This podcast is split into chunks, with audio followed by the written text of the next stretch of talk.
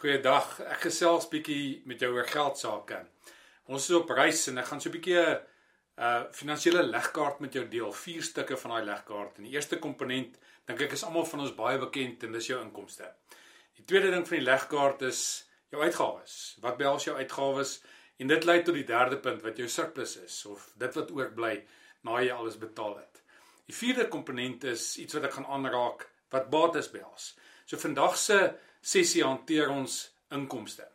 Nou meeste van ons is baie vertroud met aktiewe inkomste en dit is daai oomblik waar jy elke dag spandeer, jy rydel tyd vir geld, het sy dit in jou werksomgewing is.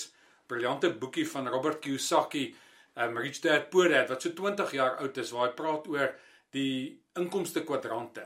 En tipies gesels hy daaroor mense wat vir 'n werkgewer werk. So jy's 'n werknemer, jy verdien 'n salaris. Die tweede komponent is jy werk vir jouself. Derde een is dat Jy's 'n belegger, so jy belê in bates wat vir jou inkomste genereer. En dan die vierde komponent is die beleggingskomponent.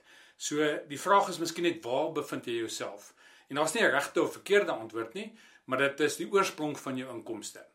Baie belangrik is om te weet dat aktiewe inkomste spandeer ek en jy in ons mees aktiewe jare, so tot en met aftrede en, en jy moet begin opbou na 'n punt waar jy passiewe inkomste begin genereer.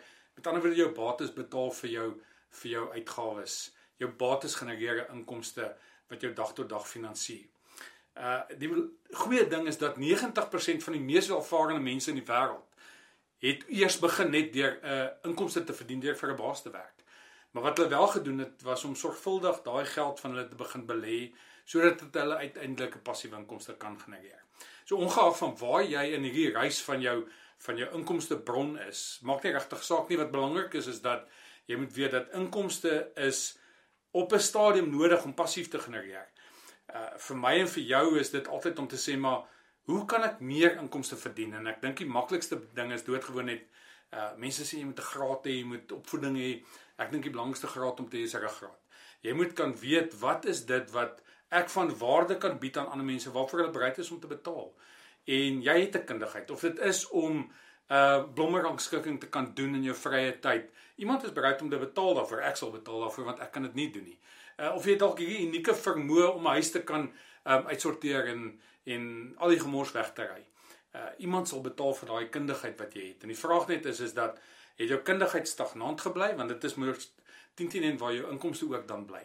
So in 'n inkomste perspektief is dit bitter belangrik om te verstaan dat as ek vandag kyk na my inkomste en my vermoë om te verdien het dit verbeter die afgelope tyd. Ons is in 'n ekonomiese baie moeilike tyd, so mense betaal moeilik meer vir dieselfde kundigheid. Vraag is wat is jy besig om te doen? Een van die belangrikste komponente is om jou kundigheid te verhoog. En oor tyd sal jy agterkom dat die mense wat die hoogste kundigheid het, die meeste betaal word. Vat maar beroepe soos mediese dokters. In jou eerste jaar het jy nie noodwendig baie geld verdien nie. Jou laaste jaar, jou 6de jaar, verdien jy dalk so klein bietjie as jy begin praktiseer, maar in 10 jaar as jy in praktyk is, verdien jy die meeste geld. Wat inkomste bronne aanbetref, moet jy seker maak dat jy net nooit die enigste inkomste bron is nie. Kyk uit as ons weer gesels oor hierdie finansiële legkaart saam met jou.